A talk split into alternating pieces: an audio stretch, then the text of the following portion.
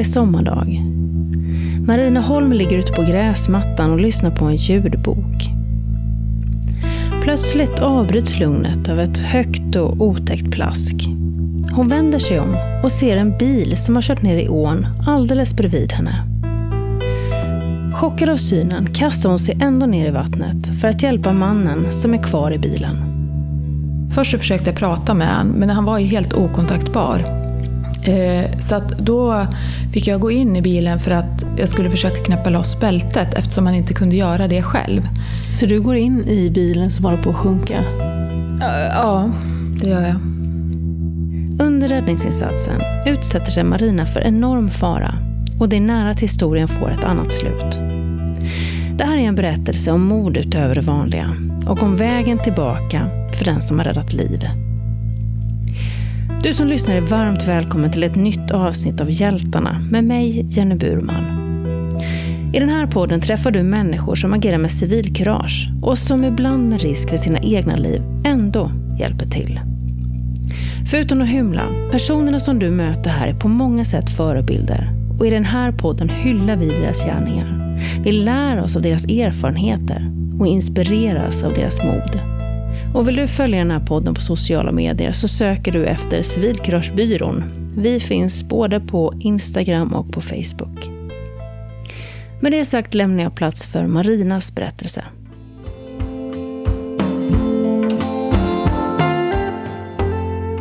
Vi befinner oss i Gävle, staden som de allra flesta förknippar med julbocken som alltid brinner upp. Och kanske är det någon som tänker på doften, för beroende på hur det blåser luktar det antingen himmelskt sött och gott från kafferosteriet Gevalia. Eller om man har otur så luktar det mindre angenämt från pappersbruket. Den här dagen när Marina och jag ses doftar det fantastiskt och Gävle visar upp sig på bästa sätt. Det är en tidig vårsol och vattnet i Gavleån som flyter genom staden är i det närmaste spegelblankt. Marina bor centralt i Gävle, alldeles i närheten till Gavleån, strax innan vattnet mynnar ut i Östersjön. Numera har hennes barn flugit ur boet och hon bor tillsammans med sin man på den sidan av ån där kajkanten pryds av fyrkantigt moderna radhus i vit puts med stora fönster som vetter mot ån. På motsatt sida av Gavleån ligger företag och snett till höger från Marinas hus finns en båtmäklarfirma. Där jobbar Björn och Kristoffer. Och det är här allt utspelar sig. I vattnet mellan båtmäklarfirman och Marinas hus. Det är fredag den 13 juli. Det är högsommar och vädret är vackert.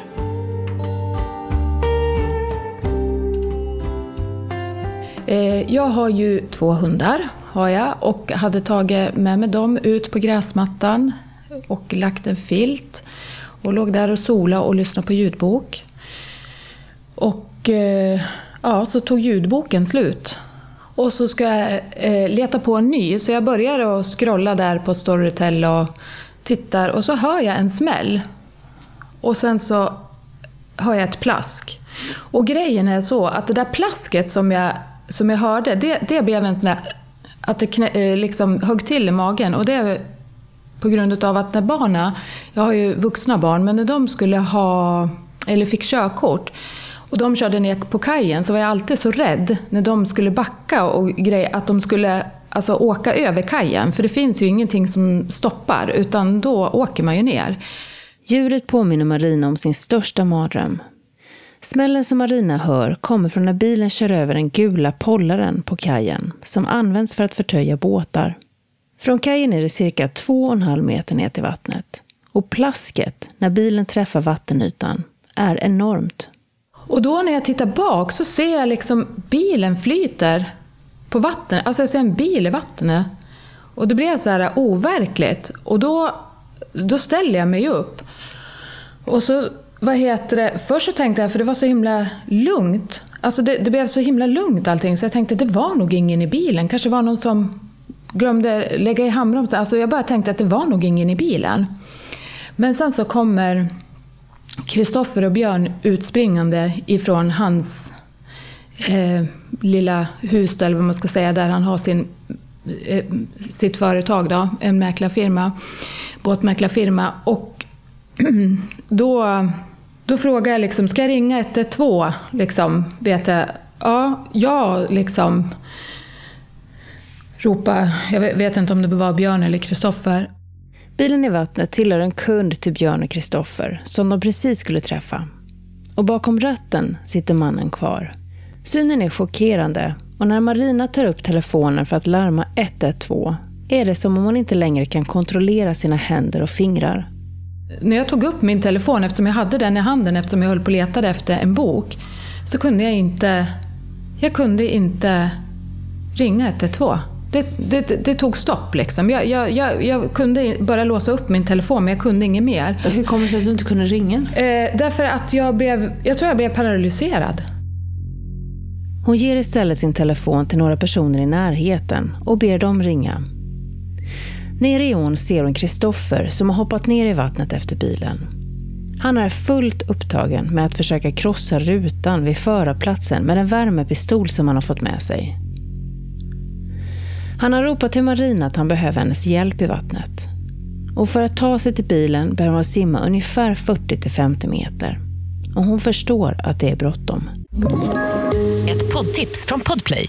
I podden Något Kaiko garanterar östgötarna Brutti och jag, Davva, dig en stor dos skratt. Där följer jag pladask för köttätandet igen. Man är lite som en jävla vampyr. Man har fått lite blodsmak och då måste man ha mer. Udda spaningar, fängslande anekdoter och en och annan arg rant. Jag måste ha mitt kaffe på morgonen för annars är jag ingen trevlig människa. Då är du ingen trevlig människa, punkt. Något Kaiko, hör du på Podplay. Därför är gardinerna. Jag hoppar ner i vattnet och sim, eh, ska simma över och det jag kommer på då är att det går ju mycket snabbare om jag simmar under vattnet än om jag simmar vanligt, liksom över vattnet. För jag kände ju att det var ju bråttom. Hur kommer det sig att det går snabbare? Det kändes som så, för att det blev att jag kunde, liksom, när jag dök ner så fick jag bättre sim, alltså fick bättre kraft i simtaget liksom när jag, eh, istället för att jag låg på ytan. Det, blev, det kändes som att det blev kortare, eller jag vet inte varför, men det kändes så. För jag började att simma vanligt liksom, men sen vet jag att jag bara dök ner så att jag liksom, ja, då tyckte jag att det gick snabbare. Och när jag kommer fram så då har ju han liksom fått bort glaset i, liksom runt bilrutan sådär. Så att då så eh, försökte vi först liksom, för då när jag kommer fram då sitter den här mannen då helt Alltså han sitter och fingrar med sina, pillar med sina glasögon bara. Och det enda som man ser det är liksom att han har lite blod på näsan. Så att det, det liksom, man tänkte, ja men han är kanske chockad liksom. Så jag sa bara till honom att, ja men du jag tar dina glasögon. Jag lägger dem här. Så ta min hand liksom, kom med ut här. Under tiden som Marina pratar med mannen simmar Kristoffer in till Björn som står på kajkanten som hjälper till att fixa en kniv. Med den kan Kristoffer skära sönder airbagen vilket ger Marina större utrymme att undersöka att mannen i bilen inte på något sätt är fastklämd. Så, för han hade ju bilbälte på sig. Det slutade i alla fall med, först så försökte jag prata med honom, men han var ju helt okontaktbar.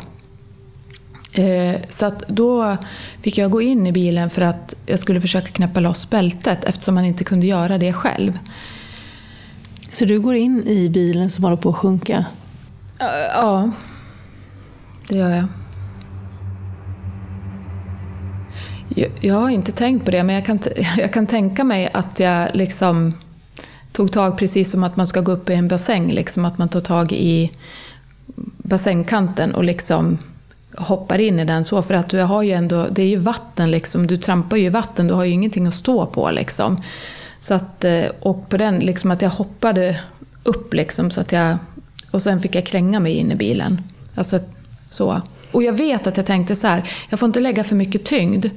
För jag var ju rädd att han skulle sjunka fortare, så jag vet, men liksom det enda sättet för mig att komma in, det var ju liksom att ligga där han hade tagit bort fönsterrutan. Liksom. Så jag eh, gick ju liksom in där och, eh, Och då var ju airbagen hade ju lås, löst ut. Så att det var ju... Alltså jag, kom ju inte, jag fick ju inte upp själva bilbältet. Jag hittade inte själva... Alltså det, det, airbagen var ju täckt där liksom, på den sidan.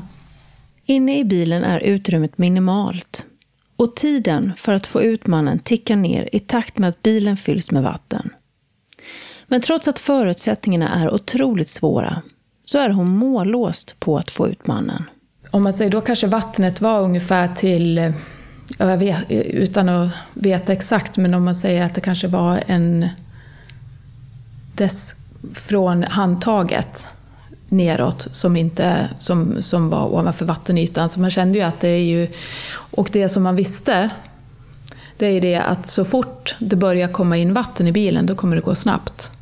Så det var ju det som var grejen, att man ville få ut honom så fort som möjligt. Tänkte du hela tiden på det? När... Ja, jag tänkte hela tiden på det. Och liksom just det här som jag kan känna jag vet flera gånger liksom att, ja, men ungefär som när man gör ett hårt träningspass, att man liksom, jag tänkte så här, du ska fan inte dö. Just den här dagen är Marinas dotter på besök. Och hon har nu tagit sig till kajkanten för att förstå vad det är som händer i vattnet. Hon var hemma då. Och sen så hade, vi har ju två hundar, så de var ju utanför. De också. Liksom. Så, hon, och så märkte hon att det var massa folk där och hundarna var och fattade ingenting. Så hon gick ju ner och gick ut.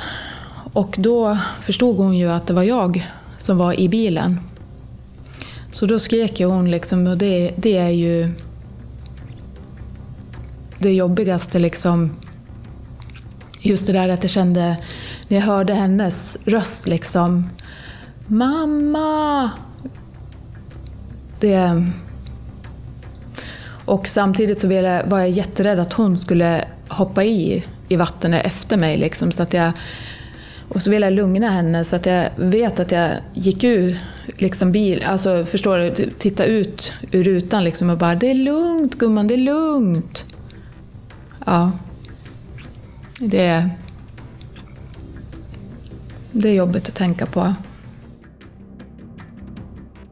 Och just det, för jag hade ju svårt att sova så himla länge efter det här. Och det var ju att så fort jag liksom... Och det, det, var ju samma, det var ju samma bild varje gång som kom upp. Liksom. Alltså så fort jag höll på att somna till så var det just det där när jag tar ut, alltså det där, det där att Matilda skriker mamma liksom, och rädslan. Jag kan känna rädslan jag hade själv i bilen när jag var liksom där. Att det, det, jag var ju jätterädd liksom. Och eh, samtidigt väldigt fokus, alltså, samtidigt så visste jag också att jag kommer inte släppa han. Mannen i bilen är helt paralyserad. Han är stel, okontaktbar och stirrar rakt fram. För Marina och Kristoffer står det helt klart att de inte kommer lyckas få ut honom genom rutan, vilket var planen från början. Det enda jag kände var ju liksom, alltså jag var ju ganska lugn där i stunden. Det är det som är så häftigt när man tänker liksom, en person som man inte liksom har pratat med direkt och liksom aldrig, inte har någon relation med innan. Och så, vi hade sånt himla bra samspel, jag och Kristoffer. För jag, jag, kände mig, jag trodde aldrig att jag skulle agera så lugnt och så effektivt och så rationellt i en sån här situation. Medan jag tittade så att han inte satt fast med något annat också eftersom han var så... Alltså att vi inte fick ut han. Så höll Kristoffer på med att ska loss bilbältet. Visste ju det, liksom, vi måste, eftersom vi inte fick kontakt med honom så fattade vi det. Vi måste få upp bildörren. Och innan vi tar upp bildörren, och det här är ju så himla liksom vi pratade inte med varandra, men vi, vi visste vad vi skulle göra. Därför att båda två, då, då tittade jag jag vet att jag tittade så att han inte skulle sitta fast någonstans och han hade inga skor på sig, vet jag, för det tittade jag liksom. När han hade fått upp bilbältet och jag hade tittat på det så, så var det ju så att vi, för, för vi, jag försökte locka ut honom genom, men kom, kom, liksom så här. Men det gick ju inte och han var ju, det var, alltså han var så himla lång, det var så mycket ben liksom. Så att det, det var sådär, han var så stel. Så att enda, enda chansen för att få ut honom, det var ju att få upp bildörren. Vi drog i denna bildörr. Och det, alltså, när, det, när det är så mycket vatten, det är ju så kraft alltså. Det, det är inte lätt att få upp bildörren. Trycket från vattenmassorna gör det i det närmaste omöjligt att få upp bildörren. Med gemensamma krafter tar de tag och drar. De sätter spjärn med fötterna mot bilen så att det blir bucklor i plåten. Och kanske är det adrenalinpåslaget som ger dem båda superkrafter. Men de får upp dörren. Och så fort den har öppnats en liten bit släpper trycket och hela dörren öppnas. Och en öppen bildörr betyder att vattenmassorna forsar in i bilen. Det jag gjorde då, det var ju det att jag slängde mig så att jag fick tag i mannen och drog ut den emot mig. Och genom att jag drog honom emot mig så klängde ju han på mig. Så han tryckte ner mig under vattnet. liksom. Och sista gången han gjorde det, då kände jag bara liksom, för att genom att det gick så fort om med bilen också, så, så vet jag liksom att jag kände den här, eh, när, när liksom, det var ungefär så, när, när bilen slurpades ner i vattnet och då liksom, eftersom jag blev nedtryckt, alltså jag kände efter, jag, det, det, är liksom, det är också någonting som, alltså det där draget som jag kände efter benen, liksom, det där suget. Inte nog med att mannen klättrar på Marina för att hålla sig över vattnet. Suget från bilen som sjunker drar ner dem ungefär en meter under ytan. Och det är nära att historien hade fått ett annat slut här. Eh, och då började, jag bli, då började jag bli trött. Så att jag kände, eh, när jag kom upp då sista gången, då, då ropade jag till Kristoffer, jag orkar inget mer. Och då hade Björn, då, som tur var, hämtat en båt genom att han har en båtfirma, ett mäkla, en båtmäklarfirma. Så hade han hämtat en båt, så att han hade kört, kört runt. Så han kom då till oss i samma veva. Så då, då slet eh, Kristoffer eh, tag i den här mannen så att jag liksom fick komma fri. Med ena armen runt mannen kan Kristoffer använda den andra armen för att hålla i sig i båtens reling. Och med gemensamma krafter får de upp mannen på båten. Det som skrämmer alla tre väldigt mycket är att mannen i full panik säger att det är fler personer i bilen. Och de har fullt sjå med att hindra honom från att dyka ner efter bilen. Så ni fick kämpa med honom uppe på... Ja, alltså till slut alltså, då, när jag satt mig i knät liksom, så, så liksom, då blev det ju att jag, jag liksom satt mig i knä på honom och liksom typ... Ja, men du ska sitta kvar. Förstår att man pratar som... Ja, man gör till ett barn tänkte jag säga. Nej, men man försöker bara lugna ner. De lyckas hålla kvar honom på båten och Björn kör snabbt till bryggan där ambulanspersonalen står och väntar. Mycket tyder på att mannen i bilen drabbas av en sjukdom strax innan bilen hamnar i vattnet. Marina känner igen mannen till utseende och när de står där på kajkanten har hon svårt att skaka av sig den obehagliga tanken om att fler personer kan ha befunnit sig i bilen. Jag kände igen den här mannen så jag visste att han, att han hade fru och att, ja, men att han hade barnbarn och sådär. Och det enda jag vet att jag, alltså, att jag sa då till Björn, det var det jag bara ring och fråga. För jag så, liksom, då kom det på så här, var det någon det var, jag kände ju, då kom jag på så här, jag kände ju i förarsätet, för det höll jag ju på med genom att jag höll på med bältet. Men i baksätet, var det någon i baksätet? Marina får bekräftat av polisen att mannen varit ensam i bilen. Det gör att hon kan släppa och ta ett steg tillbaka. Och då vet jag att efter allting det, liksom när, jag, när, när det blev lugnt, då tänkte jag så här, nu har jag gjort mitt. Nu, ska jag, nu simmar jag hem igen. För jag ville ju bara till min dotter. Så då ställer jag mig vid bryggan och är på väg att hoppa i och ska simma över igen. Och då säger, jag vet inte vilken det var som sa nej men du kan inte simma över. Vad ska, eller vad ska du göra? Jag ska hem, jag bor där borta. Ja, men du kan inte simma över. Jo men jag ska hem. Nej, och då vet jag, liksom, sen vet inte jag mer än att liksom, alltså mina ben börjar, det, det bara, allting bara, börjar skaka hela jag. Och sen så blev jag satt i en bil och så tog det inte lång stund förrän min man kom. Och så fick jag, så, ja, och då ville jag, liksom, jag ville bara hem då liksom. Det som Marina är med om är en extrem händelse. Och trots att de båda utsätter sig för livsfara kommer de undan med några skärsår.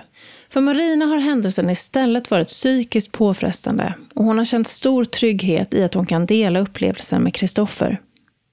Men sen så på natten, alltså jag kunde ju inte somna alltså. Jag låg ju bara vaken. Så gick jag upp och lag mig på soffan. Och så hade, jag tror att jag måste ha smsat med Kristoffer innan eller någonting. Och sen så bara så såg jag att han var vaken. Jag vet inte om det var, om jag, hur jag kunde se det, om det var på typ Facebook eller Insta. Jag vet inte om jag satt och bläddrade sådär. Så jag skrev, eller om jag bara skrev till honom, är du vaken? Ja. Och den liksom... Ja. Det var så himla liksom då att, att ha någon att dela det med, liksom vad det var som hade hänt. Och liksom hur, alltså vi skrev och vi pratade, alltså första tiden har det inte varit för Kristoffer, då vet inte jag liksom vem jag skulle ha vågat prata alltså det, det blev nog så himla speciellt när jag ser han eller när jag pratar med han. Så är det så himla speciellt. Alltså jag, känner mig så otro, jag känner så otrolig trygghet av honom. Har det inte varit för honom, då, då skulle inte jag heller ha levt idag.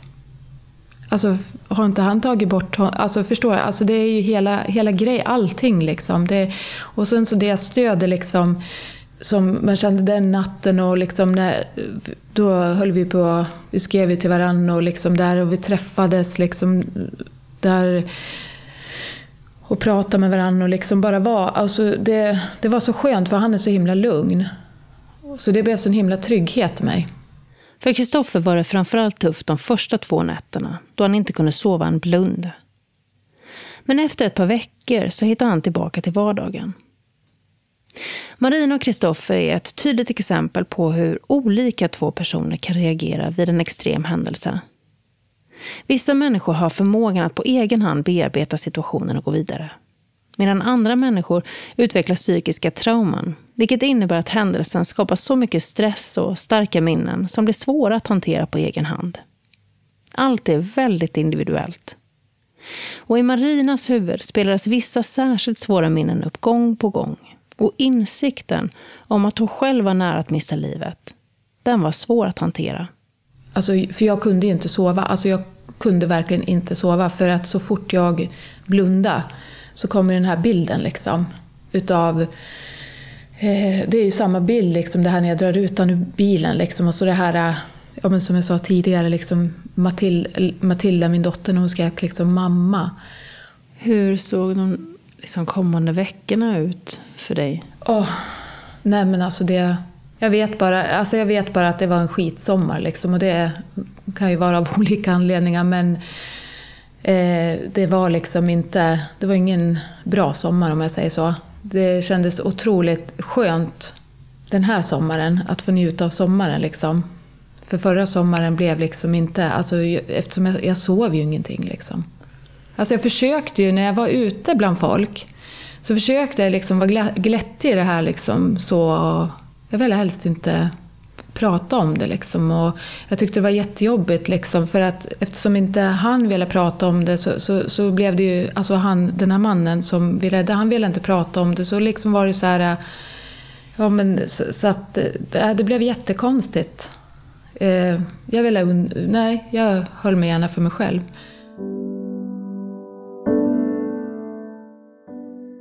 Händelsen inträffar på fredagen och på söndag får hon ett samtal från mannen i bilen som vill träffa Livräddartrion. Och på måndag ses de alla fyra på Björns kontor. Det som gör händelsen lite speciell är att mannen som de räddade livet på är en person som många känner till i Gävle. Och under mötet förklarar mannen att han av olika anledningar inte vill prata om det som har hänt i media. Eller för den delen förknippas med händelsen. Mannen hade säkert sina goda skäl, men hans agerande har försvårat för Marinas förmåga att komma över traumat. Hans ställningstagande och distanserande gör att Marina får svårt att förhålla sig till händelsen. Hon upplever att hon inte kan eller får prata om det som hänt och hon börjar känna skamkänslor kring händelsen. Det var ju så att de ville ju, tidningen och sådär hörde av sig och liksom, ja men då hörde han av sig, då, inte personligen utan han skickade bud och att han inte ville att man skulle liksom säga någonting och så. Och det var ju det som gjorde att jag fick den där, förstår att jag inte vågade säga till någon för jag var så rädd att det liksom skulle, ja, bli fel liksom. Du vet när någon gör sådär, då, är man ju, då blir man ju liksom lite tillknäppt. Så det blev en jättejobbig grej för att liksom, jag vet att jag skrev till honom och frågade liksom, vad var det som hände och sådär. Det var inte självklart för Marina att söka professionell hjälp. Och under lång tid försökte hon visa upp en fasad att allt var okej. Nej men därför att så fort någon ringde till mig så var jag sådär liksom... Nej men, nej men det är bra. Förstår du? Alltså jag ville ju inte... Eh, det var faktiskt, det, det, att jag började prata, det var ju faktiskt eh, en, en arbetskollega till mig som eh, ringde mig en dag. Och eh, då var det en väldigt dålig dag. Och då så sa hon bara det, liksom Hej, hej Marina, vad gör du? Och jag bara, jag sitter här. Jaha, är du själv? Liksom, jag var så här bara, ja men ska jag komma? Nej. Nu kommer jag, sa hon. Och så kom hon. Och sen så, det var första gången hon kom. Och sen så, och då började vi, liksom, då ville jag inte prata med utan då var hon bara här med mig. Och sen så var det en, eh, en fredag som hon ringde. Och då så bara sa hon så här, eh, ja men nu är det, ja men Ja, jo men det är bra liksom. Vad ska du göra? Nej, men ingenting. Ja, men då kommer jag hämta dig så får du med mig hem och äter. Och det var då hon sa det, du måste gå och prata med någon. Det var under hösten som Marina kom iväg för att prata med en psykolog som snabbt kunde konstatera att hon led av posttraumatiskt stresssyndrom. Det är ett sjukdomstillstånd som innebär att man efter längre tid fortfarande störs av kraftiga minnesbilder och mycket negativa känslor och reaktioner som man själv inte kan kontrollera. Alltså gud vad jag grät. Och jag var samtidigt, liksom det tog, det, det är först nu som jag liksom bara känner så att jag är så tacksam över allting. Förstår du? Jag är så tacksam att jag vaknar upp till mina barn, att jag får vara mamma fortfarande. Liksom, då var det bara så här, jag tror att det blev också det lite, att gjorde jag något fel? Förstår du? Alltså det var så här, det blev så konstigt för mig, att, för jag tyckte liksom, för mig var det ju så med Kristoffer, jag kände ju liksom sån otrolig trygghet och förstår? Även fast jag har min ton och mina barn och sådär, så var det liksom han, alltså för mig var det ju så att när den här mannen ringde till mig på söndagen, då bara kände jag så här, jag var så himla tacksam att han levde och hela den där biten liksom. Och sen så då det här att han vände liksom, jag vill inte ha någon kontakt med, det hade jag svårt att hantera. Jag blev som att, har jag gjort någonting fel liksom? Det är med stöd av psykologen som Marina får hjälp att hantera alla känslor och tankar och börja processen att läka traumat. Men för mig var det liksom det här, men gud, jag har ju för fan riskerat, liksom, tänk mina barn då, liksom, tänk om de har varit utan mamma. Förstår du? Man blir så här, och sen, men sen jag insåg så att, men vet du Marina? Det spelar ingen roll om det har varit vem det var som låg där i vattnet i den där bilen, för du hade ingen aning. Du har gjort samma sak ändå och du kommer göra samma sak igen. Då blev jag, för, för det var lite det där att jag tappade tilliten till människan. Liksom. Vad är det liksom? Är det viktigare att hålla sin fasad uppe än att liksom prata... Alltså det, förstår du? Att vi pratar om... Alltså man blir ju ändå... Man funderar ju, vad var det som hände? Vad var det, varför blev han sådär? Varför var han... Förstår du? Hur, och hur resonerar du idag kring det? För nu är du ju ändå med i den här podden och berättar. Känner du att du har lagt det bakom dig eller hur tänker du kring den biten? Eh, ja, alltså det är det. Jag känner så här nu. Jag är så otroligt tacksam. Alltså det är inte bara det här som, som hade hänt, liksom, förstår du? Men jag är så otroligt tacksam att, att allt det här har hänt och att jag liksom... Eh, för det gav mig liksom en spark i baken att liksom just det här att man, att, man tar, att man verkligen går till botten med sig själv. Varför? Alltså vad är det som är viktigt? Vem är jag? Vad, vad står jag för? Liksom, vad, vad är jag glad för? Vad är jag tacksam för? Jag säger så här, nu vaknar jag liksom, och jag är så himla tacksam över allt. Alltså det spelar ingen roll att, att det händer saker, så är jag så tacksam faktiskt för varje dag jag får. Och varje dag jag får vara mamma och varje dag jag liksom får åka till mitt jobb. Jag tycker det är helt... Jag, jag är väldigt tacksam för livet. För den som ingriper i en livräddande situation kan det vara jobbigt att komma över händelsen. Det här är något som Marina vet en hel del om. Så vad ska man då tänka på i en sån situation? Nej, men jag tror att det är viktigt att man liksom ganska... Att man går och pratar om det. Att man vågar prata om det. Det är ju faktiskt så att ofta så får man ju frågan Ja, men behöver du prata med någon eller så här? Och så säger man nej. Liksom så. Att, att kanske faktiskt göra det. Det tänker jag. Jag tror det är jätteviktigt. Och gärna att man liksom kanske också go, alltså att man kollar om det finns något... Alltså det, finns ju, det här är ju en otroligt bra podd att lyssna på, tänker jag. Att man liksom får höra, för det är alltid lättare när man får höra andra människor som har upplevt liknande saker. Även om det har varit helt olika händelser så tror jag känslan igen är väldigt lika. För jag tror att kroppens, det här liksom hur man reagerar och det här adrenalinet som blir och sen så den här känslan efteråt. För jag tror att alla som är med om en sån här får först en otrolig adrenalinkick liksom. Och sen så just det där då efteråt, att man bara känner sig så himla matt liksom och bara... Oh. För att kroppen har ju varit på helspänn. Så det är klart, och då tänker jag liksom att sitter det i att man faktiskt tar det på allvar och, och går och pratar med någon. Man kan visa civilkurage på många olika sätt. Och i många fall så kan det handla om att säga ifrån eller tillrättavisa något man hör eller ser. Det Marina var med om behöver de allra flesta inte uppleva. Men oavsett vad man är med om blir de allra flesta påverkade. Och varför är det så? Jo, det är för att det ofta handlar om situationer där man känner sig utsatt, rädd och upplever stark stress. Det här avsnittet väcker frågan om vad som händer med den som ingriper med civilkurage när strålkastarljuset släcks och vardagen tränger sig på. Marina och Kristoffer är exempel på att det såklart är olika från fall till fall. Men Marinas berättelse är viktig för att den visar att även om man har räddat liv så kan man ändå känna skam och skuld och få psykiska besvär. Och det är inte ovanligt att man utvecklar ett trauma. Och det är just den insikten jag vill skicka med dig.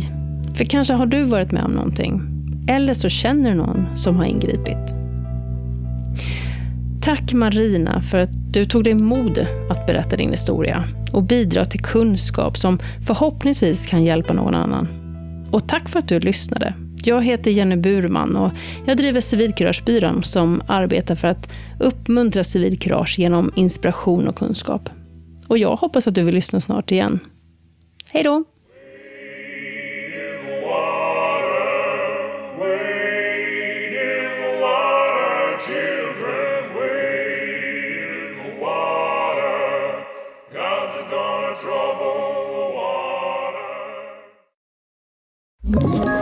Ett poddtips från Podplay.